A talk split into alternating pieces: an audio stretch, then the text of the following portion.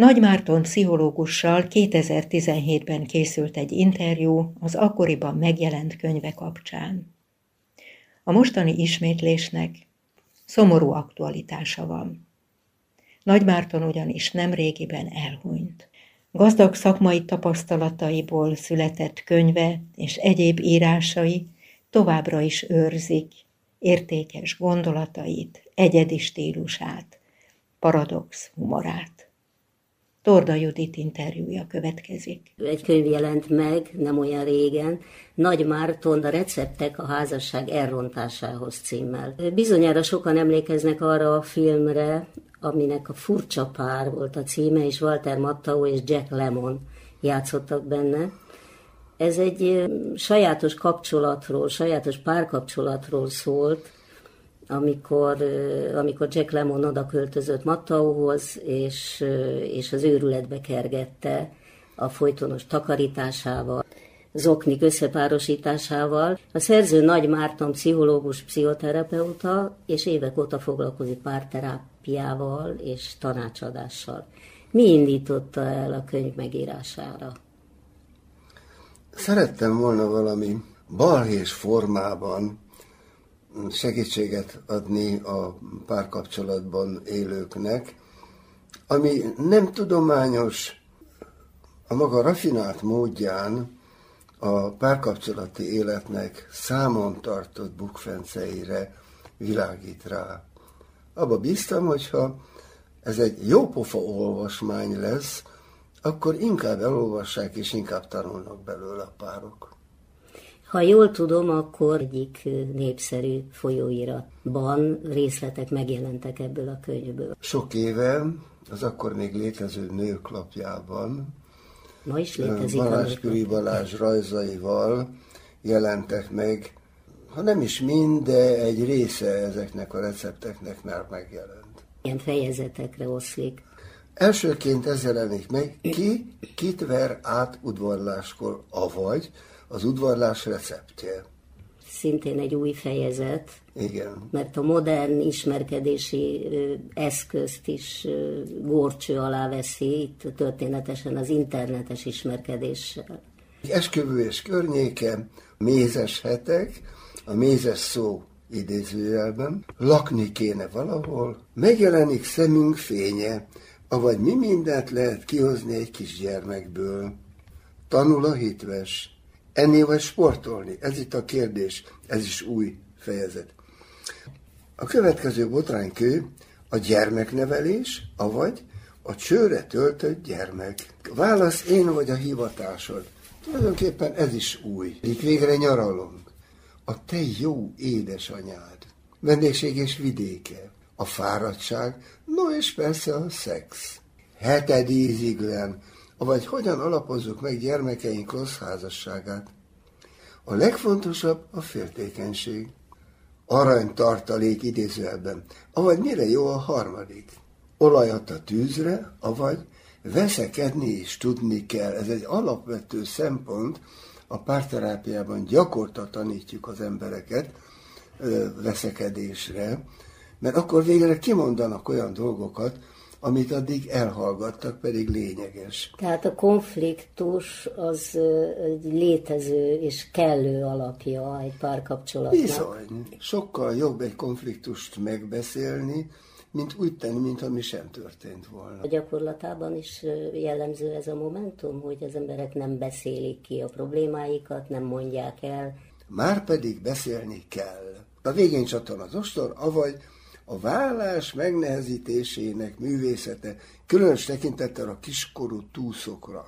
Van egy ráadás, tippek az újrakezdés megmérgezéséhez, ebben egy új dolog szerepel a látogató együttélés értékelés. Ez mit jelent ez a látogató együttélés? Ez egy teljesen új fogalom a párkapcsolatban. Az a lényege, hogy két ember, akik szeretik egymást, külön lakásban külön életet élnek, ám időnként meglátogatják egymást.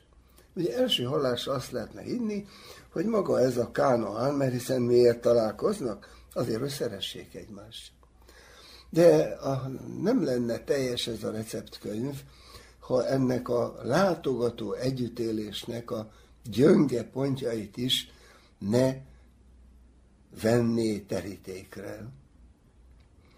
És aztán van még egy utolsó, tudod, amikor az egészet megírtam, rádöbbentem, hogy a baráti körömben, vagy a terapeutaként megismert homoerotikusok életében pontosan ugyanezek a konfliktusok jelennek meg, ha a párkapcsolat akarnak létesíteni. Uh-huh. Tehát nem kell, hogy külön neműek legyenek a párok. Nem feltétlenül. Ugyanazok a konfliktusok felmerülnek a Ugyanúgy meg tudják mérgezni egymás életét. Ugyanúgy el tudják egymást hagyni, ugyanúgy tudnak hűségesek lenni. Szóval egyáltalán hiba volna ezt a vonatkozását kihagyni ennek a könyvnek. Hogyan használjuk ezt a könyvet? Van erre valami útmutató? Legjobb lenne, ha valaki azért venni a kezébe, hogy szeretne jókat nevetni. A humor az nagyon fontos oldószer, mert ha valaki jót nevet valamin, akkor lehet, hogy még el is gondolkodik rajta. Tehát az lenne jó, hogyha valaki kíváncsian a balhé kedvéért beleolvasna. Ennyi párterápiás tapasztalat után meg tudja fogalmazni azt egy pár mondatban, hogy egy jó párkapcsolatnak vajon mi a titka? Legszívesebben ezt az egy mondatot fogalmaznám meg. Jó lenne, ha előbb ismernék az emberek egymást, és csak aztán szeretnék meg egymást. Húha, ez nagyon... A szerelemnek hogy lehet parancsolni, hiszen az egy érzelmi Igen. hatás. Igen, hát tulajdonképpen én a szerelmet bombázom széjjel, mert jó az, ha van, de sajnálatos módon az emberek elvesztik a józaneszüket. Aztán eltelik egy hét, három hét, két év, és rádöbbennek, hogy akibe beleszerettek, az nem az, akire vágytak. Egyszerűen felszerelték szárnyacskákkal, glóriával, és aztán kiderül, hogy nem szárnyacskái vannak, hanem ördögpatája meg. Szóval, hogy valami egész más derül ki. Tehát azt mondja, hogy az ember legyen szerelmes, persze, de ne menjen hozzá, meg ne nősüljön meg, ne vegye el azt, akivel igazán, igazába beleszeretett. Engedjen magának egy ismerkedési Hát, ha elmúlik a szerelem, vagy hogy gondolja? Nem, hát, ha túléli.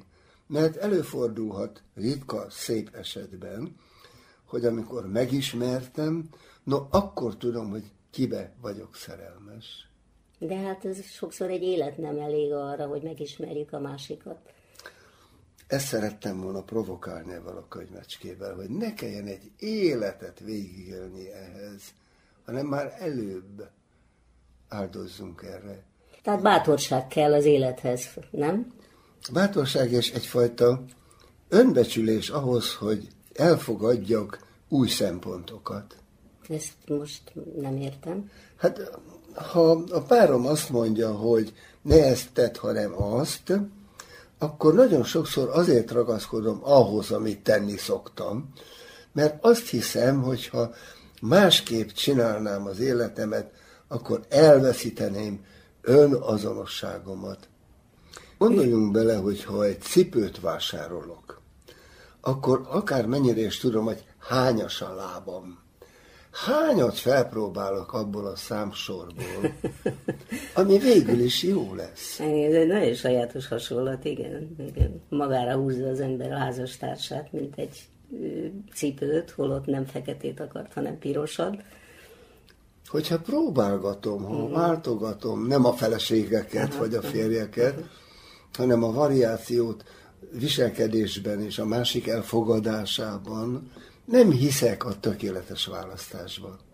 Csak abban hiszek, hogy ha megdolgozik pár egymás konfliktusaival, abból kijöhet valami jó.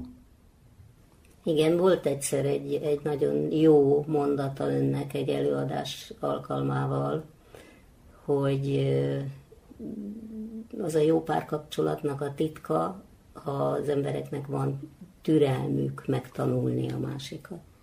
Érdemes abba energiát fektetni, hogy megtanuljam a másikat.